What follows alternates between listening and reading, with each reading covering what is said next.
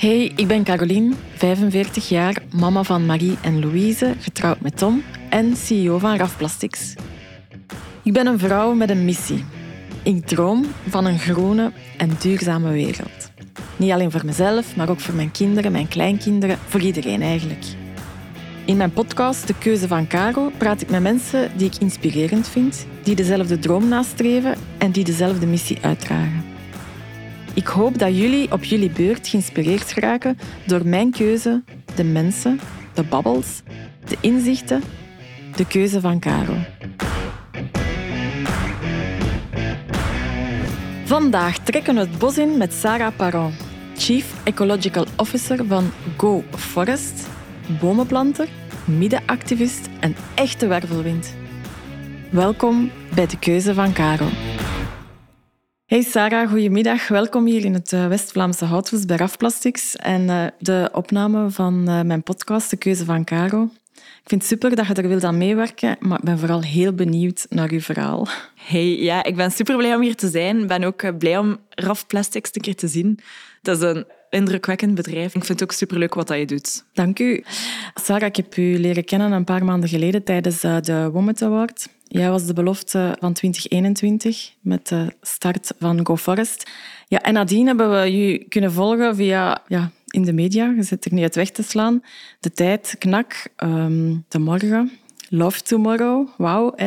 En dan natuurlijk binnenkort uh, uw eerste boek. Dus ja, een ideaal moment voor een uh, podcastopname. Hè? Ja, ik, ik was super blij dat je mij vroeg, want ik had je gezien inderdaad op de finale, want ik heb vorig jaar meegedaan en ik zat in de belofte-categorie. En ik vond u een super toffe madame en heel authentiek. En voor mij is dat echt een belangrijke eigenschap. Je speelt totaal geen rolletje, dus ik ben hier heel blij om hier te zijn. Ik ben ik ga dat hier niet onder stoelen of banken steken, maar ik ben ook echt fan van u.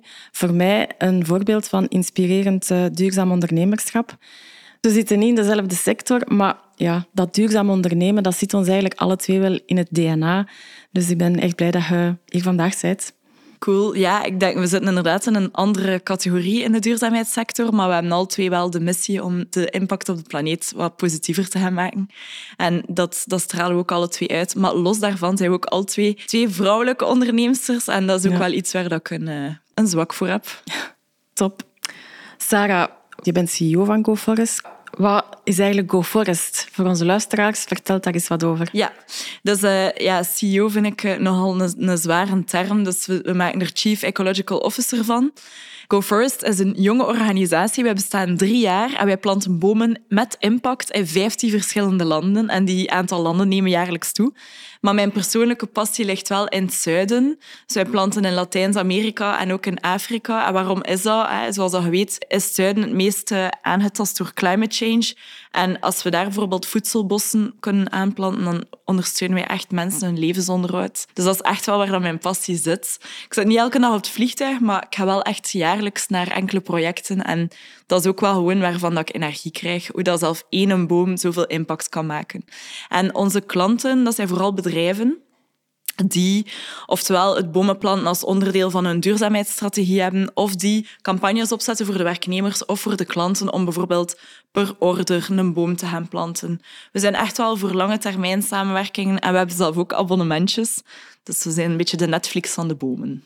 Ja, want ik hoor je zeggen bedrijven, maar kan je als individu ook bomen planten? Ja, absoluut. Je kunt als particulier ook bomen bestellen op de website. Maar we hebben een for-profit structuur. Dus we hebben vandaag nog geen fiscale attesten voor de particulier. Dus we zijn vandaag heel veel meer gefocust op B2B of B2B2C. En kan je eens iets meer vertellen hoe dat eigenlijk in zijn werk gaat, die bomen planten? Dus we melden aan op de website en dan, wat gebeurt er dan? Ja, dus het is geen bol.com waarbij dat je morgen uw, alles in huis hebt. We proberen wel van, van zodra dat je met ons samenwerkt, alles te gaan delen via digitale tools. Dus direct al een satellietbeeld van waar de bomen gaan komen. Eh, een inschatting van de CO2 die uw bomen gaan, gaan opnemen. Maar hoe werkt het eigenlijk in praktijk? We hebben altijd een nursery-periode. Een nursery-periode is de periode waarin dat je van zaadje tot scheutje in een kwekerij je boompje laat groeien. En pas als dat boompje een bepaalde grootte heeft, dat begint aan 30 centimeter, gaat dat de grond in tijdens een van de plantseizoenen. En voor ons begint het eigenlijk pas als uw boom geplant is, want uw boom moet het natuurlijk ook overleven en een gezond bos worden. En daarom is voor ons een heel groot focuspunt monitoring en onderhoud. Dus bij ons zijn de contracten geen plant and go, maar echt wel een duurzaam verhaal waarbij je binnen 30 jaar nog altijd evenveel bomen hebt en in een gezonde status. Dus je volgt je bomen wel? Van bij het planten tot uh, het groeien van de bomen. Ja, wij werken met mensen op het veld uh, en in het buitenland. Dus daarom ook, wij hebben een aandeelhouder uit, uit Zwitserland. En voor ons is het voordeel dat we dan mensen hebben in elk land, zodat als er iets is, dat er dan snel iemand staat. Plus, ik ga je helemaal eerlijk zijn, ik ben zelf geen specialist. Dat is eigenlijk het grappige aan Go Forest. Ik heb communicatiewetenschappen en psychologie gestudeerd. Dus ik moet mij laten omringen door uh, ingenieurs en experts. Ja, maar dat is hier net hetzelfde. Met Rafplastics hebben we ook al eens een actie opgezet tijdens onze beurs. Als er bezoekers kwamen, dan hadden we samen met jullie, met Go Forest, ook eh, een boom geplant. En binnenkort uh, ja, hopen we op de beurs in Friedrichshaven om toch nog meer bomen te kunnen planten. We vinden dat ook belangrijk als bedrijf om toch ook mee die voortrekker te zijn in de duurzaamheidstransitie. Hoe is het eigenlijk gesteld met onze planeet? de ontbossing. Het is eigenlijk niet goed gesteld met de planeet. Wij zijn dagdagelijks zitten wij in wetenschappelijke rapporten. En als er bosbranden zijn, dan vinden mensen dat allemaal de moeite om dat allemaal naar mij door te sturen, alsof ik het nog niet weet waar dat er bosbranden zijn. zijn er wel heel wat deze zomer. Hè? Ja, en, en dat breekt wel mijn hart, omdat wij uiteindelijk voor elke boom onderhandelen. En, en ik vind elke boom ook waardevol en belangrijk. In elk gebied heeft hij andere soorten impact, maar als je ziet hoe snel dat ze kunnen verdwijnen, dat is soms wel demotiverend. Maar niet alleen ontbossing. Hè. Er zijn veel andere problemen die echt niet goed zijn vandaag. Ze verdwijnen misschien sneller dan dat erbij komen. Ja, absoluut. Ja. ja. En dat wordt erger en erger, want die droogtes nemen ook meer en meer toe. Hè. Ja. Dus we moeten echt, echt, echt blijven gaan voor wat we bezig zijn. Wat ik wel tof vind, is... Uh, wij planten bomen bijvoorbeeld in Portugal.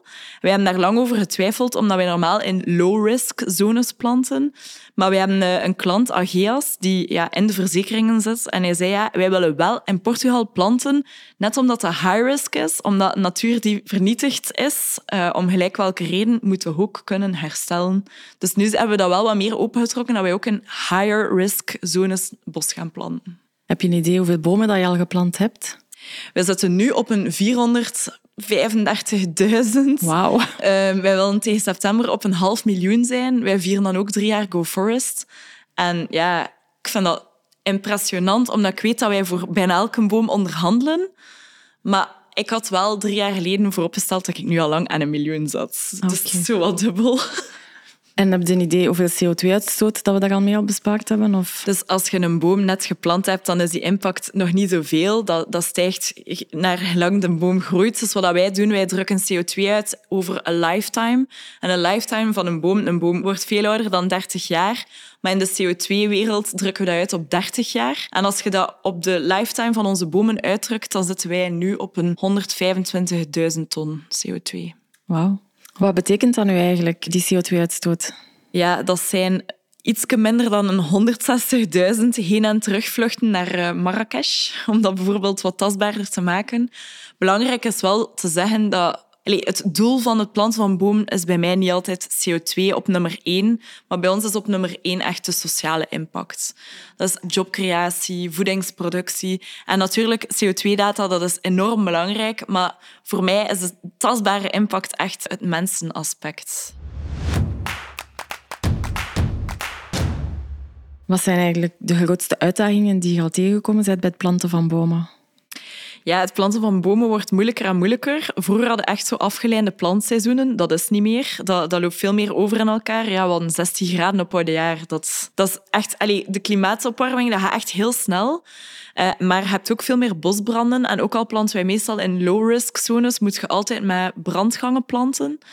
Maar ook, ja, uh, in een eerste plantseizoen hebben wij een survival rate van 85%. Dus wij moeten altijd in een tweede plantseizoen gaan bijplanten wat er niet heeft overleefd. Ja. Omdat wij een 100% garantieverhaal verkopen. En daarboven moet je ook wel een veerkrachtig bos planten. Omdat ja, je moet boomsoorten planten die tegen die opwarming van de aarde kunnen. Dus wat doen wij? Wij gaan bijvoorbeeld boomsoorten gaan planten die 400 kilometer meer zuidwaarts uh, afkomstig zijn, zodat die een mix van DNA meer resilience uh, opbouwt in het bos. Maar ik ben heel blij dat ik daarvoor met experts werk, want dat is echt veel moeilijker dan dat dat lijkt. Ja. Ja, dat kan ik me wel best voorstellen. Zijn er ook uh, misvattingen over het planten van bomen? ik denk dat mensen graag met de buzzwords gooien, zoals greenwashing, als, als mensen bomen planten, omdat ze dat linken met je doet maar iets vervuilend en je plant wat bomen en het is in orde. Terwijl ik totaal niet die opvatting heb bij onze klanten. Onze klanten zijn echt vaak gewoon keihard bezig met reductie of met andere belangrijke initiatieven. En het planten van bomen is totaal geen afkoopmechanisme. Plus, voor mij is dat belangrijk als je bomen plant, dat je daar eerlijk en transparant kunt over communiceren en daar helpen wij wel bij. Dus ik zie absoluut geen link met greenwashing of treewashing, want voor mij gaat het gewoon over eerlijkheid, authenticiteit en transparantie. Zijn er projecten die voor jou er persoonlijk uitspringen, die een bepaalde betekenis hebben? Ja, absoluut. Ik heb mijn hart verloren aan Madagaskar, omdat daar, ja, er is daar extreme armoede en zelf één boom heeft daar superveel impact. Want toen ik daartoe kwam, stonden er meer dan 30 mensen te schuilen in de schaduw van een boom, omdat daar zo warm is. Maar de, de impact van een boom daar, dat is giga. Je creëert er ook echt jobs mee. En mensen vertellen dan echt hun verhaal van dankbaarheid. Van dankzij het feit dat we die bomen kunnen planten, kunnen onze kinderen naar school gaan en zo. En ik verlies daar echt mijn hart aan. En als bedrijven vragen waar moeten we planten, dan zeg ik heel vaak Madagaskar. Maar een andere is voor mij ook wel Brazilië. Omdat Brazilië, ja, het Amazonewoud en het Atlantisch woud, dat zijn echt zo ecosystemen die vaak in documentaires weergegeven worden. En aan het Amazonewoud, ja, we kennen de problematiek allemaal, maar er wordt eigenlijk vaak weinig gezegd over het Atlantisch woud. En het Atlantisch woud bestaat voor nog minder dan 8 procent. Dus daar heb ik ook wel een beetje mijn persoonlijke missie van gemaakt om daar echt wel een bijdrage aan te doen omdat de mensen daar echt vertellen van vroeger, dit hier, al dat landschap, dat was allemaal bos. Die hebben eigenlijk een, een habitat verloren.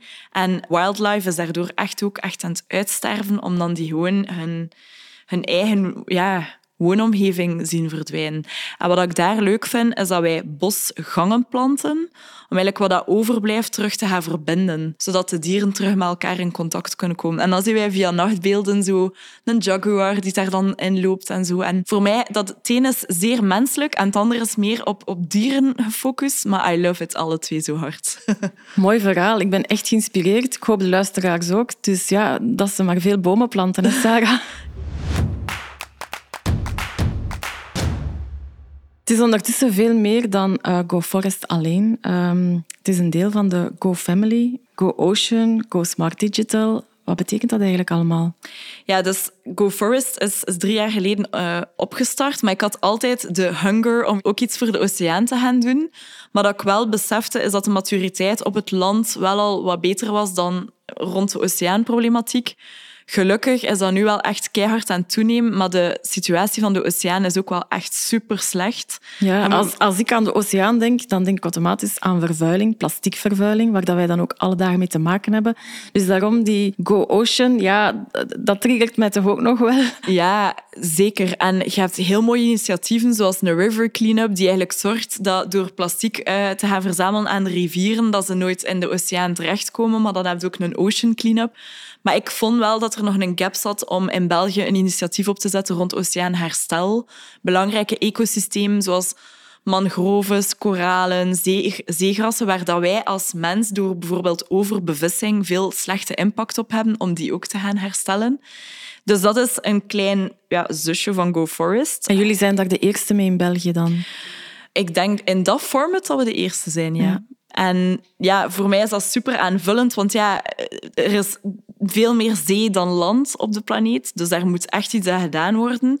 Het is wel jonger dan Go Forest. We voelen dat ook, want bij Go kun je alles gemakkelijk zien vanuit satelliet. Maar in de oceaan, je moet echt al met GoPro's onder water van alles gaan vastleggen. Maar ik vind het een superleuk initiatief en de eerste reacties op de markt zijn echt super. En ook, er zijn veel bedrijven die wel een link hebben met water. Dus dat is ook wel Ja. attractive om te steunen. En Go Smart Digital is eigenlijk iets totaal anders. Dat is eigenlijk deel van uw scope 3, is uw IT-impact. Ja. En bedrijven zijn heel vaak bezig, hè, zonnepanelen, elektrische wagens en zo verder. Maar eigenlijk kun je, als je digitaal gedrag of je, je environment aanpast, ook veel impact gaan hebben. Niet alleen op CO2-reducties, maar ook op ehm, ja, bijvoorbeeld inclusiviteit, als je een app gebouwd hebt en zo verder. Dus dat is wat dat eigenlijk een beetje de koepel is van GoFamily, is de one-stop shop voor impact. Maar de gelijkenis is wel dat zo allemaal dingen zijn waar dat er nog awareness moet in groeien. Ja, dus we hebben allemaal nog wel veel bij te leren. Hè? Dus, Maar daarvoor kunnen we dan bij de GoFamily terecht. Ja, ja, we zijn een familie. Eh, we zijn altijd een andere samenstelling van, van aandeelhouders, maar we hebben heel goede afspraken onderling. En wat dat de sterkte is, is dat we resources kunnen sharen om dan eigenlijk kostenefficiënt te werken en eh, impact maximaal. Is het een groot team, Sarah, waar je vandaag mee samenwerkt? Ja, we, we zijn nog maar drie entiteiten en we zijn alle drie jong, want GoForest is het oudst en GoForest is drie jaar. Dus ja, we zijn in totaal met een vijftiental mensen. In België in de GoFamily, maar GoForest heeft wel een vijftiental collega's ook in het buitenland. Ja, dus internationaal. Hè? Ja, en wij eh, willen echt wel met GoForest de eerste voet zetten in Nederland, Frankrijk en Luxemburg. Daar zijn we nu mee bezig, dus dat is cool.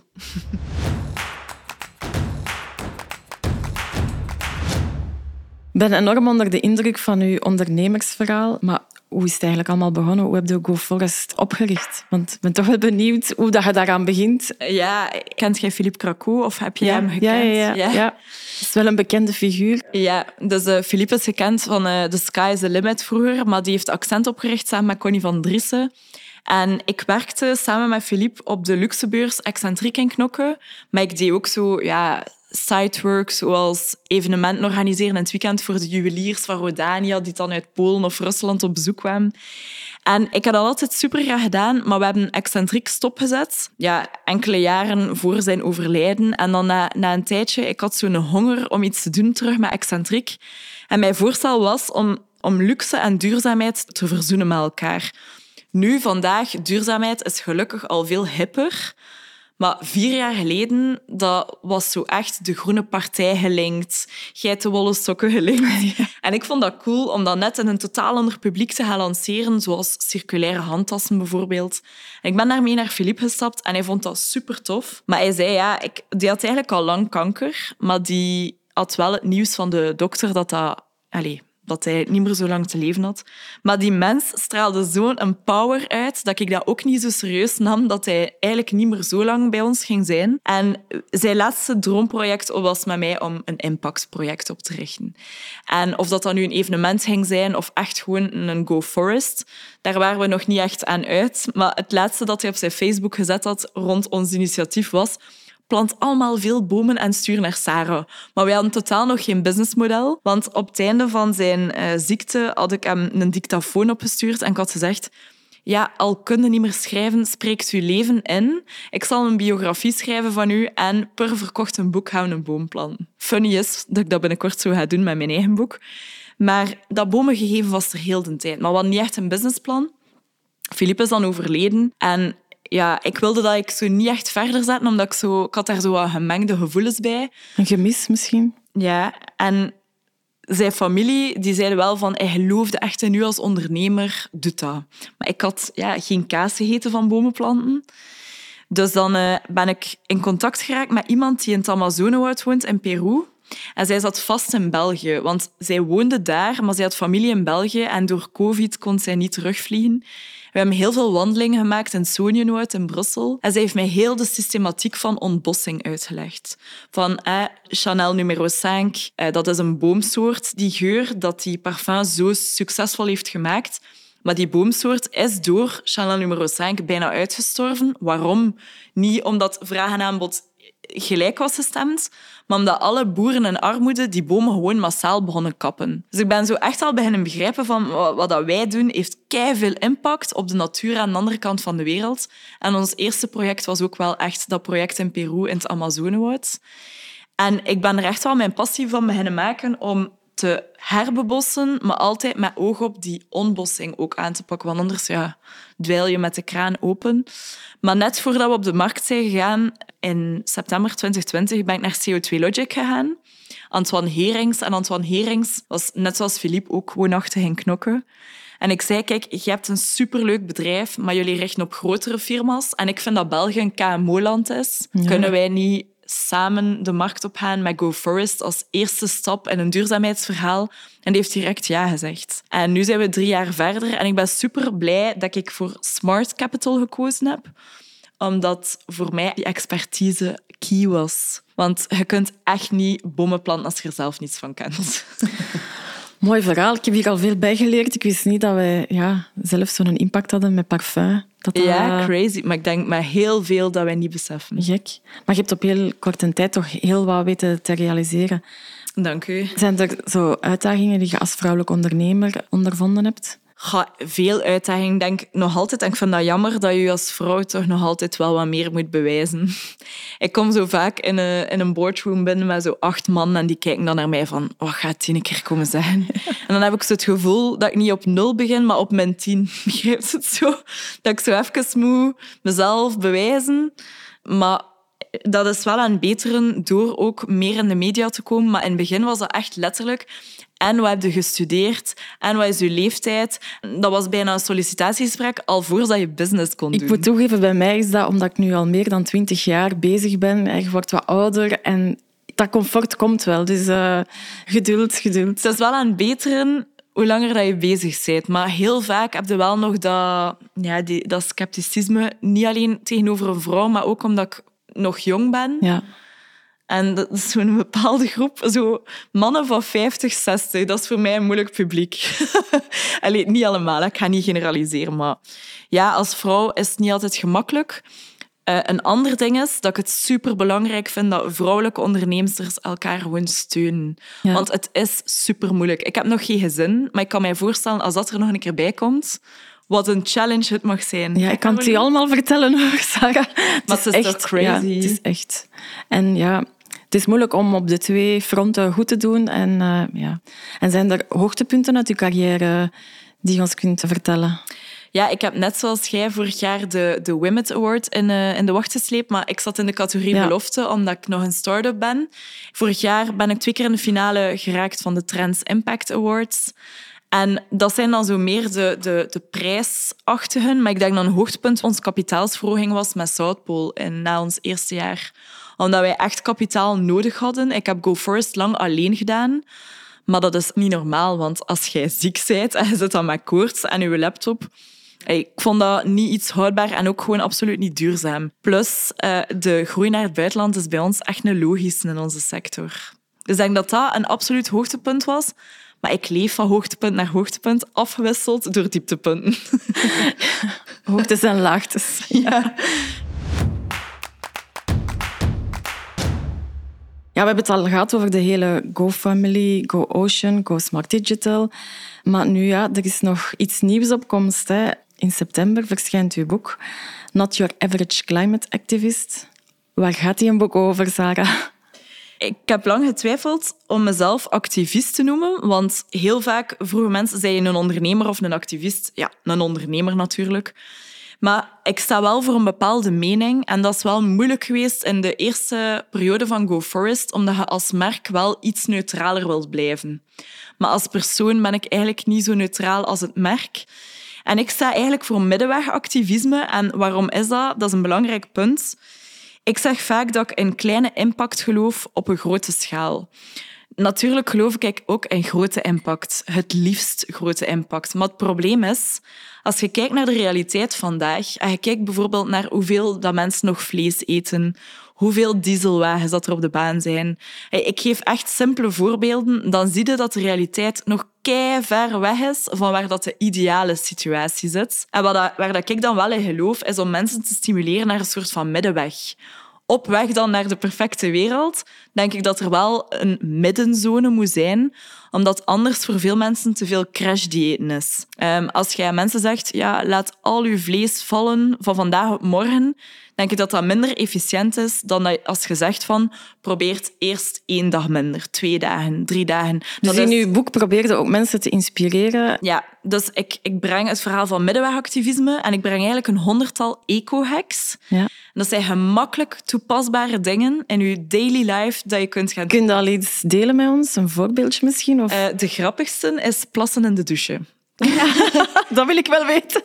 Ja, nee, ik heb, hem eigenlijk, uh, ik heb lang getwijfeld om zo de grappige er ook in te zetten. Maar ja, ik denk dat veel mensen dat doen. En dat is een, ja, dat is een eco-hack, want dan heb je minder waterverbruik en uh, minder toiletpapierverbruik.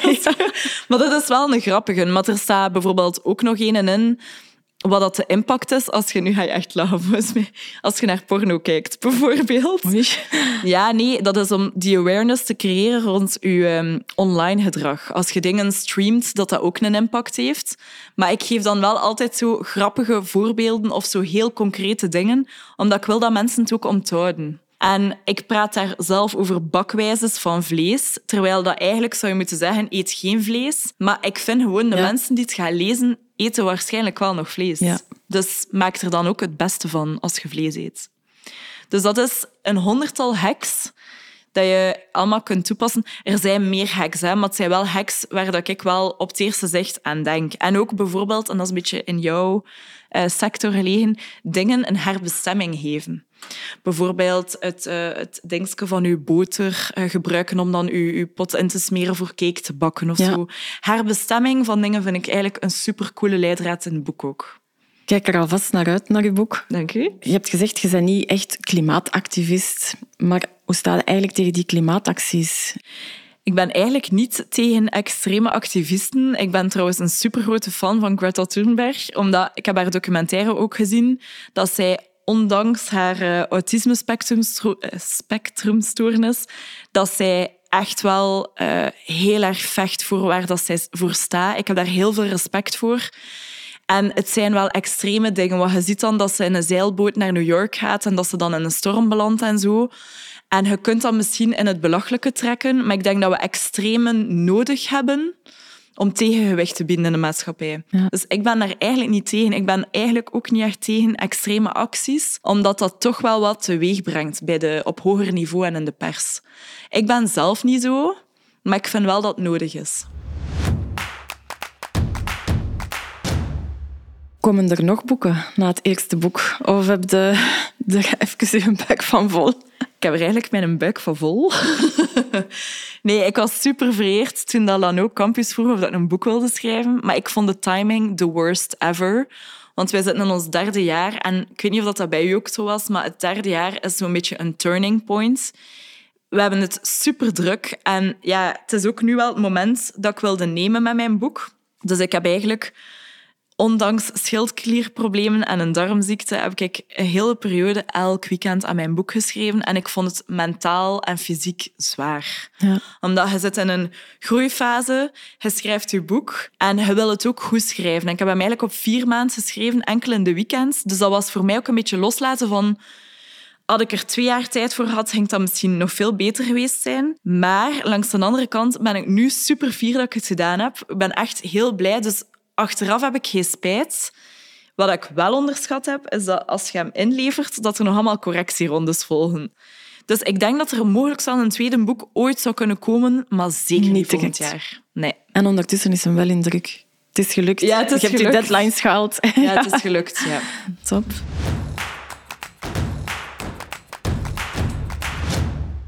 Wat zijn zo nog de plannen en de doelen van Go Forest, Go Family? Zijn er nog bepaalde mijlpalen die je wilt bereiken? Ja. Dus eerst en vooral willen we zo snel mogelijk groeien in het buitenland. We hebben onze eerste klanten al in Nederland en in Frankrijk. En we willen echt daar nu op inzetten, omdat wij wel heel erg op ons merk inspelen. Dus we willen het merk Go Forest gaan globaliseren in de buurlanden.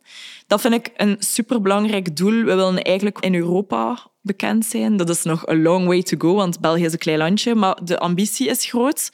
Hetzelfde met Go Ocean, maar Go Ocean zal altijd een beetje achter Go Forest komen, omdat dat gewoon echt nog kleiner is vandaag. We willen onze GoFamily uitbreiden met nog meer complementaire impactdiensten. En ja, voor ons zijn mijlpalen impact-mijlpalen. Dat is als we een miljoen bomen halen, dat is als we x aantal jobs gecreëerd hebben. Zelf de kilo fruit dat aan die bomen groeit, hoeveel marktwaarde dat daar tegenover staat. De, de tree ROI is voor ons superbelangrijk. Voor ons zijn mijlpalen het belangrijkste in um, termen van impact. Daar blijf ik altijd op gefocust. Wauw, nog uh, mooie plannen. Um, jullie zijn net zoals wij als RAF Plastics ook genomineerd voor de Trends Impact Award. Uh, wij zitten in de categorie van circulaire economie. Ik weet niet in welke categorie jullie genomineerd zijn. Ja, proficiat. Super tof. Tof, hè? Ja, ik ben blij, Spannend. Dat we, ik ben blij dat we in een andere categorie zitten. Ja. wij zitten in de categorie ecologie. Maar ik vind wel de nominatie iets dubbel. Omdat de mensen die ook genomineerd zijn, de bedrijven, ik, ik gun het ze allemaal. Allee, ik ga eerlijk zijn, een River Cleanup is ook genomineerd in onze categorie. En ik vind dat eigenlijk echt winnaars.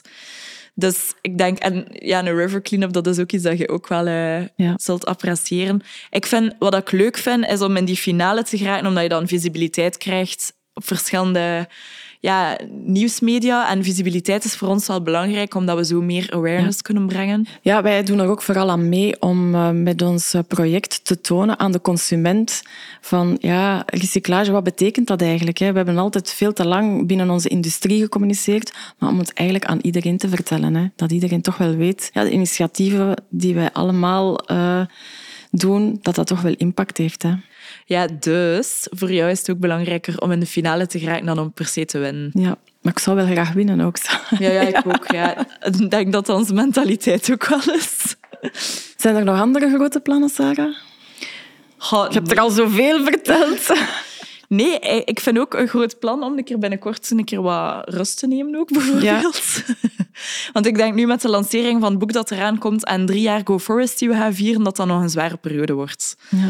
Um, maar ik heb wel leuk nieuws voor mezelf. Ik ga naar ons koraalproject gaan kijken in Bali in oh, november. zalig, tof. Ja. Om de luisteraar jealous te maken. Maar iedereen mag mee. Ja, ik denk dat we hier direct instant allemaal jaloers zijn. Ik ga het laatste woord van de podcast aan u geven. Je hebt misschien nog een boodschap, een oproep voor onze luisteraars. Sarah, het is aan u. Ja, ik denk eerst en vooral, Caroline is een super toffe madame. En dat is zo een persoonlijke boodschap. Een andere boodschap is dat we zijn allemaal hier op de planeet met een doel en dat is gelukkig zijn in het leven. Maar een ander doel moet ook zijn om de komende generaties ook een gelukkig leven te geven. En we kunnen dat echt allemaal doen met haalbare stappen. Laat je gewoon voldoende inspireren door de voorbeelden op de markt. En je mocht ons allemaal altijd contacteren als er vragen zouden zijn of als je tips wilt. Sarah, ik zou heel graag willen bedanken voor de toffe babbel. Ik denk dat we nog uren zouden kunnen doorgaan. Ja, sowieso.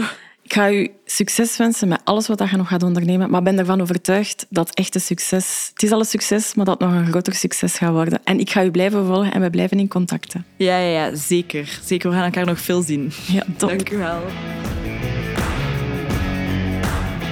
Volgende keer in de keuze van Caro. Het koudste jaar hebben we al gehad. Het gaat alleen maar warmer worden waarschijnlijk.